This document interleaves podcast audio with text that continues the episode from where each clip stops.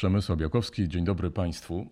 Nie przemysł, nie sektor komunalny, a rolnictwo jest źródłem największych zanieczyszczeń wody w Polsce, ale mamy też dobre przykłady. Razem ze mną Waldemar Żebrowski, rolnik roku regionu Morza Bałtyckiego w konkursie Fundacji WWF Polska. Dzień dobry, witam Pana.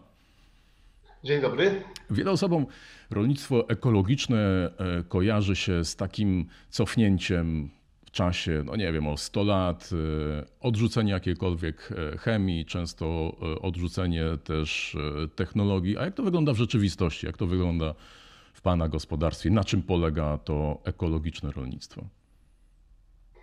Rzeczywiście, tak jak pan redaktor zauważył, y, w większości kojarzy się to z cofnięciem o 100 lat, kiedy nie było jeszcze chemii, nie było herbicydów, pestycydów, ale to nie jest nieprawda, bo w tej chwili y, technika poszła na tyle do przodu, że można osiągać e, podobne efekty nie stosując e, chemii w rolnictwie i my jesteśmy tego przykładem. To znaczy mamy to szczęście, że nasze 400-hektarowe gospodarstwo położone jest, e, położone jest w Dolinie Liwca. Znajdujemy się na granicy Mazowsza i Podlasia, w przepięknej Dolinie Liwca. Większość naszych terenów gospodarstwa jest na obszarze Natura 2000. Połowa areału to są trwałe użytki zielone i niejako to mm, wymusiło na nas, właśnie nie wymusiło, ale skłoniło nas do przejścia na e, gospodarowanie ekologiczne. A to swoją drogą od razu dopytam, czy ten obszar Natura 2000, właśnie te przepisy jakieś prawne e, obligują e, rolnika, który właśnie tam chce no, choćby wypasać bydło, do, do jakichś konkretnych, szczególnych zachowań, czy są jakieś ograniczenia? Raczej nie, to znaczy nie ma restrykcyjnych przepisów prawnych, które zmuszą rolnika do stosowania jakichś restrykcyjnych e, warunków gospodarowania, ale na pewno w jakiś sposób e, no, ukierunkowują na gospodarowanie ekologiczne, które wcale nie musi być dużo bardziej e, jakieś tam mniej efektywne. I my jesteśmy po prostu w, w, w, tym obszarze. W tym konkursie WWF-u, o którym wspomniałem, bardzo duży nacisk był położony właśnie e, na wodę, a w przypadku rolnictwa ograniczenie odpływu azotu i fosforu do e, wód, e, do, do wód gruntowych. No, no to jest zjawisko eutrofizacji już w Bałtyku, w morzu, które ta eutrofizacja jest dla naszego Bałtyku dużym zagrożeniem. No i jak to wygląda w praktyce, jak to wygląda u Państwa? To znaczy u nas, my tak jak wcześniej yy, powiedziałem, my nie stosujemy nawozów sztucznych, nie stosujemy, stosujemy tylko własne nawozy yy, organiczne. Yy, jest to gnojowica, którą składujemy w potężnych lagunach. Mamy kilka tysięcy ton pojemności, takie zbiorniki, które po okresie stabilizacji opróżniamy i po prostu w naszym gospodarstwie niejako zamykamy po prostu obieg nawozów. Jesteśmy takim perpetuum, nawozowym perpetuum mobile. Mamy stado ponad 500 krów, z czego 270 krów mlecznych i to wymusza na nas po prostu, że musimy to zagospodarować, a jednocześnie oszczędzamy, y, nie kupując nawozów mineralnych, nie kupując nawozów azotowych, fosforowych, które no w jakimś stopniu zawsze przedostają się do y, cieków wodnych, melioracyjnych, y, naszego liwca przepięknego do Bałtyku i później powodują eutrofizację tych zbiorników wodnych. W naszym przypadku to nie występuje. Ale jednocześnie, czy to jest skuteczne, skoro e, pan mówi, że no nie stosujecie nawozów jest, sztucznych? Panie redaktorze, jest to na pewno skuteczne, bo zanim e, my e, od 10 lat praktycznie wchodzimy w ekologię, w ochronę środowiska i 4 lata temu udało nam się uzyskać certyfikat ekologiczny, i powiem szczerze, że przed uzyskaniem statusu gospodarstwa ekologicznego my byliśmy już ekologiczni. Jest to skuteczne. My, zanim e, weszliśmy w czystą ekologię, nie kupowaliśmy e, nawozów sztucznych do, do kukurydzy, do użytków zielonych. Po prostu nam wystarcza nawozów, które mamy u siebie w gospodarstwie. Mhm. Z tym, że jest jeden warunek, musi być to zrównoważona produkcja i zwierzęca, i roślinna. Mhm. No bo trudno, trudno prowadzić e, produkcję ekologiczną, nie mając zwierząt. Pan wspominał też o takim obiegu e, zamkniętym e, w kwestii nawozów, no ale obieg zamknięty to jest w ogóle pojęcie, które teraz jest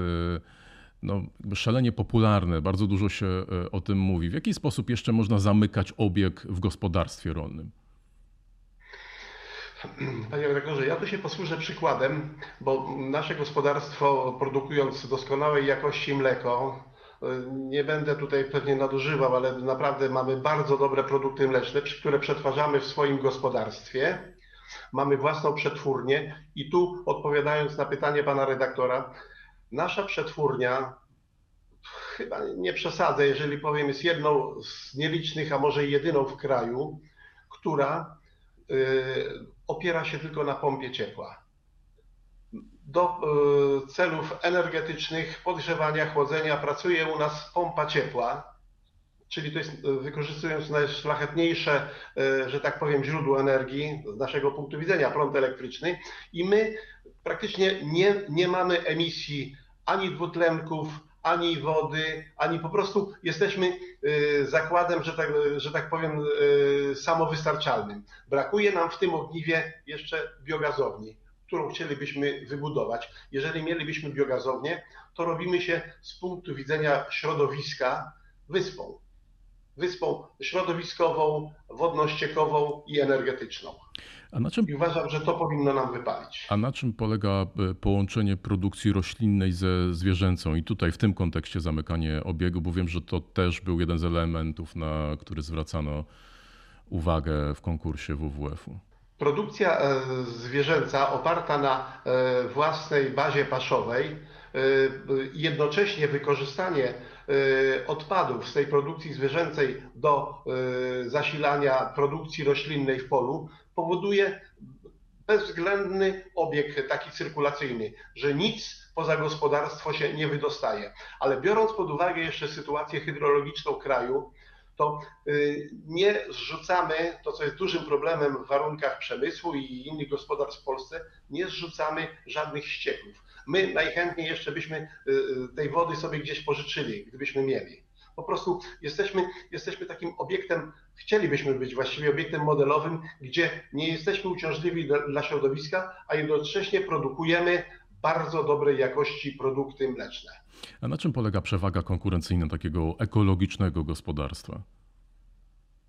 To znaczy, to to jest skomplikowane zagadnienie, dlatego że przewaga jest tutaj bezdyskusyjna. My produkujemy mleko, produkujemy jogurt, produkujemy twarogi, produkujemy cały szereg super zdrowych produktów. Jest takich e, gospodarstw w Polsce trochę, ale nie dużo.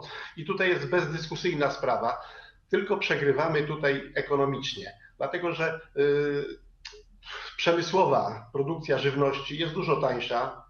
Nieważne, że jest y, dużo gorsza z punktu widzenia zdrowotności społeczeństwa, zdrowia, ale my produkujemy bardzo zdrową żywność. Nasze jogurty to są jest źródło y, zdrowia i długowieczności hamują procesy starzenia po 50, są, są niezbędne dla dzieci i to powinno być promowane, a nie jest. Ja uważam, że tego typu żywność to jest po prostu wykładnia jakiegoś e, rozwoju rolnictwa. Ja nie, nie mówię tutaj, że musimy od razu, cała Polska musi przejść na rolnictwo ekologiczne. Miejsce jest dla wszystkich, ale y, śladem y, innych krajów powinniśmy tą dziedzinę rozwijać z uwagi na ochronę środowiska, ochronę zdrowia, i y, dobrobyt Polski.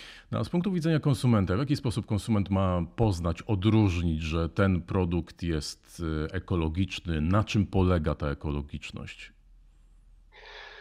E, przede wszystkim powinni w sklepach konsumenci szukać produktów z zielonym listkiem, uniwersalnym listkiem e, certyfikacji ekologicznej unijnej, który jest jeden tylko w swoim rodzaju, to jest pierwszy warunek, a drugi warunek powinni po prostu patrzeć i przeglądać, czy jest czysta etykieta, jakiś ślad węglowy, y, ale tutaj dużo do życzenia pozostaje dla mm, państwa, dla organów państwowych, dlatego że, jak powiedziałem, my produkujemy y, nasze produkty w opakowaniach szklanych.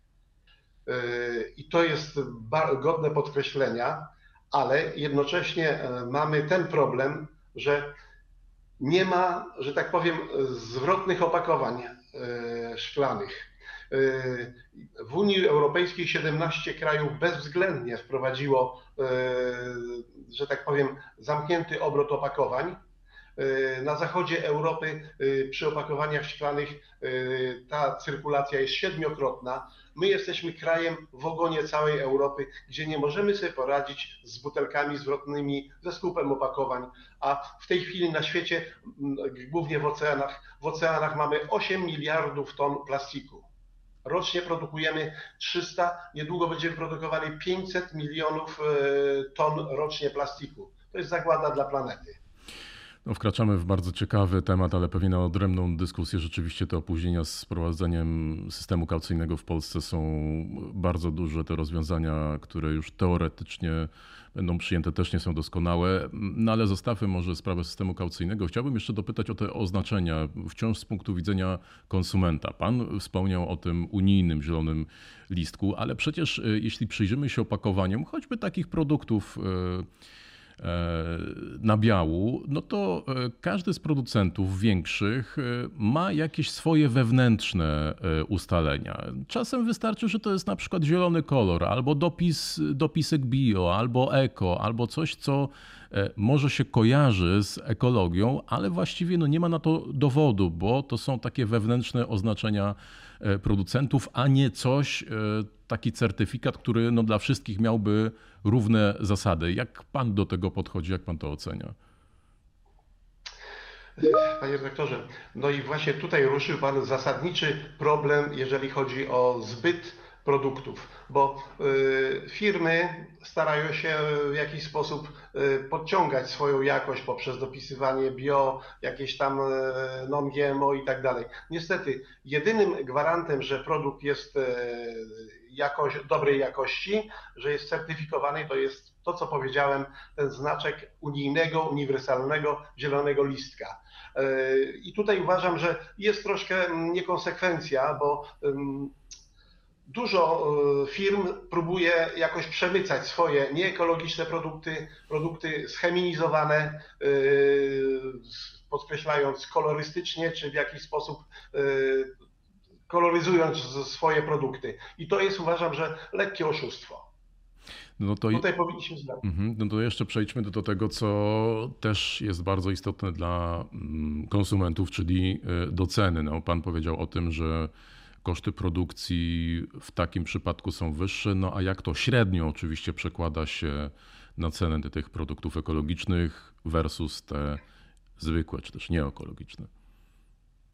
To znaczy ja uważam, ja, to jest moje prywatne zdanie, że mimo wszystko pomoc państwa jest troszkę, troszkę za malutka tutaj, za mała dla gospodarstw ekologicznych, dlatego że posłużę się naszym przykładem. My, jak byliśmy jeszcze gospodarstwem konwencjonalnym, nawet e, jeżeli e, s- stosowaliśmy swoją gnojowicę, to średnio wydajność mleczną z obory mie- mieliśmy na poziomie 36 litrów. W tej chwili jest to 19-20 czyli nie stosując pasz przemysłowych, spadła nam drastycznie, prawie że o 40% wydajność mleczna, ale zdecydowanie poprawiła się jakość. Dlaczego wspomniałem tutaj, że za mała pomoc państwa?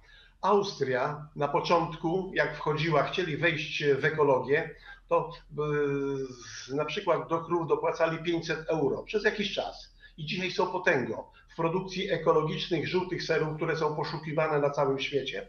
Wyprzedzili Holendrów, wyprzedzili Szwajcarów. I my powinniśmy to mieć, e, brać pod uwagę. A nasze produkty są, jeszcze chcę jedną rzecz podkreślić, produkty są bardzo zdrowe, bardzo dobre, może nieco droższe od konwencjonalnych, ale yy, Przykład, posłużę się przykładem. Mleko kojarzone jest, że dzieci mają tak zwaną skazę białkową. Jest to nieprawda. My na przykładzie naszych produktów wielu konsumentów kupuje nasze mleko dla małych dzieci i okazuje się, że problem skazy tak zwanej białkowej znika, bo to nie jest żadna skaza białkowa. Jakiś promil społeczeństwa jest na to uczulone, ale to jest, to jest skaza na chemię w wyrobach mlecznych. To nie jest skaza białkowa i ludzie, którzy kupują nasze wyroby, nie mają z tym problemów. No, no to tak uśredniając, jeszcze raz dopytam, y, ile musi być y, droższe, żeby to się opłacało, biorąc pod uwagę wydajność, o której pan wspomniał, takie mleko? To 30%, 50%, więcej? To znaczy w zależności od, od grupy produktów, ale myślę, że gdyby było 25-30% droższe te produkty, gdyby były, to to wcale nie musi być y, droższe dwa razy czy tam półtora raza, ale od 25 do 50% to, to się zwróci, panie redaktorze, bo ludzie, co pozornie oszczędzą na y, zakupach y, wyrobów mlekopodobnych, to później zaniosą to do lekarzy i do aptek. Mhm. A pan wspomniał, to, to... pan wspomniał że no, przydałoby się większe wsparcie państwa promujące te produkty gospodarstwa ekologiczne. To znaczy, że teraz ono jest za małe, nie ma go w ogóle. Jak to wygląda? Panie dyrektorze, bezwzględnie to wsparcie jest za małe albo przynajmniej na początku. To, a, a na, czym to, na czym to, co teraz jest, na czym to polega? To też może Pan podać oczywiście na swoim e, przykładzie. To znaczy, my w tej chwili borykamy się, bo jak powiedziałem, my produkujemy bardzo dobrej jakości produkty i yy, wydawać by się mogło, że po prostu nie ma, problem leży po stronie konsumenta. Nieprawda. Ludzie mają, jestem zaskoczony, że świadomość naszego społeczeństwa, klientów jest bardzo wysoka. Ludzie poszukują naszych wyrobów, ale problem leży gdzie indziej. Problem leży w dystrybucji hurtowej dlatego że nasze produkty mają bardzo krótki termin e, ważności. To jest 7, 10, 20 dni to jest maksimum. I problem występuje na poziomie hurtowni. Hurtownie wolą sprzedawać wyroby, które mają okres, że tak powiem, przydatności do spożycia 5-6 miesięcy. Nie trzeba tego przechowywać, e, zachowując łańcuch chłodniczy, niż nasze produkty, które trzeba naprawdę szybciutko dystrybuować. Tu jest problem. Problem, wąskie gardło jest e, w dystrybucji hurtowej. Tu jest problem i uważam, że państwo powinno zadziałać. Jeszcze jeżeli coś można dodać, panie redaktorze, moi koledzy z Francji, z Austrii, którzy przyjeżdżali do Polski, to śmiali się ze mnie, że my się wstydzimy wyrobów e, ekologicznych bo jak im powiedziałem, że nasze wyroby są w sklepach, to oni byli zaskoczeni tym, że musieli je szukać, musieli je po prostu gdzieś tam y, bawić się w detektywów, którzy na półce sklepowej znaleźli nasze wyroby. To jest jedna sprawa i jeszcze jedno muszę powiedzieć. W krajach zachodniej Europy tego typu wyroby mają pierwszeństwo, jeżeli chodzi o stołówki przedszkoli, żłobków, szkół. U nas jest odwrotnie. Szkoły dostają w wyniku, yy, że tak powiem, przetargów najgorszy towar, najgorszej jakości, yy, najbardziej nafaszerowany chemią. A uważam, że znajomy kolega z Francji powiedział mi, gdyby ten produkt był we Francji, to on by nigdy nie trafił we Francji do sklepu dlatego że zostałby przejęty przez tego typu placówki yy, żywiące młodzież. Mhm. A u nas jest niestety odwrotnie. Pan wspomniał o bardzo ważnej, ciekawej kwestii, o tej dacie e, przydatności do spożycia, że ona jest znacznie krótsza przez e, brak tych dodatków chemicznych, takich utrzymujących e, tę świeżość. No, ale myślę, że tutaj też dużym wyzwaniem jest opakowanie, bo pewnie gdyby te produkty trafiały do plastiku, ta data ważności byłaby wydłużana. Ja kojarzę na przykład e, z ogórkami, no to jest bardzo prosta sprawa. Ogórek, który jest bio, e, eko i jest na tej półce dedykowanej, to jest ogórek owinięty w folię. No ale i, i on jest oczywiście mm, nazywany takim produktem ekologicznym, chociaż jest pakowany w folię, więc to tutaj też dochodzimy trochę do takich paradoksów, prawda? To znaczy, panie że ja jestem z wykształcenia chemikiem spożywczą, spożywcą i o ile e, plastik e, przy e, produktach tak zwanych suchych jest w miarę bezpieczny, to na pewno nigdy nie będzie bezpieczny przy produktach mokrych, tak w cudzysłowie, a już jest niedopuszczalne, żeby to były produkty typu ogórki kwaszone, kwaśne. Bezwzględnie powinniśmy tutaj w tym przypadku wrócić do opakowań szklanych. Yy, nigdy, to znaczy tego typu żywność, jak ogórki, jak pan redaktor dał przykład, to mogą się zetknąć z plastikiem, ale dopiero w koszu na śmieci. Nigdy nie może być. Plastik to jest, to jest pochodna ropy naftowej. To jest, według mnie to jest niedopuszczane i wiele yy, mądrych społeczeństw już o tym wie i to stosuje. U nas się o tym zapomina. Mhm. A myśli pan, że to powinno być, ta kwestia plastiku, jeszcze zostańmy przy tym na chwilę, że to powinno być e, sankcjonowane, tak jak mieliśmy kilka lat temu decyzja o tym, że w supermarketach te darmowe foliówki no już nie mogą być darmowe. Czy to jest jednak bardziej kwestia właśnie edukowania i uświadamiania ludzi, że ta torba plastikowa, no jeśli już jest, no to powinna być używana wielokrotnie, a nie także na chwilę i, i, i do śmieci? Panie redaktorze, uważam, że powinno to iść dwutorowo y, i mm, przede wszystkim świadomość społeczeństwa. Tutaj, jak mówiłem, polskie społeczeństwo, co jest dla mnie dużym zaskoczeniem, jest naprawdę świadome, bo nasze produkty ekologiczne to wcale nie są produkty dla ludzi bogatych. To są dla ludzi świadomych swojego zdrowia, bo panie redaktorze, y, Maksyma Łacińska mówiła już dawno, że nie żyjemy po to, żeby jeść co widzi się y, w supermarketach często. Tylko my jemy, powinniśmy jeść dobrą, zdrową żywność, żeby zdrowo żyć. To jest, y, I to jest jedna sprawa, czyli świadomość. A druga sprawa, pan redaktor powiedział o zakazie, y, to mnie troszkę rozśmiesza ta sprawa właśnie, że zabroniono używania reklamówek w sklepach, czy zrobiono, nakazano, żeby były płatne. Efekt jest odwrotny Panie redaktorze, jak pan idzie tej, na, na, przykład do y, piekarni, do sklepu piekarniczego, kiedyś dostawał pan w jedną reklamówkę mm, całość, y, że tak powiem, bułki, chleb, chałkę, bagietkę. A w tej chwili pan zobaczy, idzie pan do tego samego sklepu i dostaje pan każdy asortyment pakowany osobno. Efekt jest odwrotny, bo dostaje pan tych plastikowych reklamówek zamiast jednej, dostaje pan pięć. To nie tędy droga. Okej, okay, no to jest akurat jedna luka. Faktycznie te e, produkty e, z piekarni, tam wciąż są te foliowe torby, no ale jednak przy kasach w supermarketach, e, no to już nie jest taka masówka. Jeśli za tę torbę trzeba tam zapłacić 50 groszy czy złotówkę, no to pewnie część osób jednak zapamięta, żeby, żeby wziąć taką wielokrotnego użytku. Ale dobrze, zostawmy, zostawmy te torby. Jeszcze jedną kwestię chciałbym na koniec poruszyć. Zastanawiam się, jak taki sposób e, prowadzenia gospodarstwa, o którym rozmawiamy, o którym Pan mówił, jest e, odbierany przez e, innych rolników, tych, którzy no, jakby ja teraz ciśnie mi się na usta słowo tradycyjne rolnictwo uprawiają, ale jednak tradycyjne to można pomyśleć, że to jest to, co było parę lat temu, albo to, co było 100 lat temu i trochę wracamy do tego pierwszego pytania, ale e, zastanawiam się po prostu, e, na ile wśród rolników, bo mówiliśmy o konsumentach, że konsumenci są świadomi, na ile wśród e, rolników to już jest taka taka myśl, że no, musimy iść w tym kierunku, przed tym nie ma odwrotu, albo no, może niekoniecznie, bo tutaj robiłem tak od lat, a po co to zmieniać? Panie doktorze, no tutaj powiem, że ze swojej strony to ja widzę takie po prostu można powiedzieć, przychylne podejście do naszego. To znaczy, y, większość tak z politowaniem patrzy na nas, widząc nasze zachwaszczone pola, gdzie jeden oprysk za 100 zł na hektar załatwia i daje po prostu rolnikowi komfort, że nie musi się interesować, kiedy my cztery razy musimy mechanicznie walczyć z chwastami, no i efekt nie zawsze jest dobry. Także powiem, podejście jest takie z politowaniem y, podchodzą, ale, ale, ale akceptują naszą, naszą, że tak powiem, ekologiczną pracę. Mogę nawet powiedzieć, że znam rolników, którzy y, produkując swoje mleko, kupują nasze. No to pewnie to jest chyba najlepszy y, dowód Państwa pracy. Pięknie dziękuję. Waldemar Żebrowski, rolnik roku regionu Morza Bałtyckiego w konkursie Fundacji WWF Polska. Dziękuję panu serdecznie za rozmowę.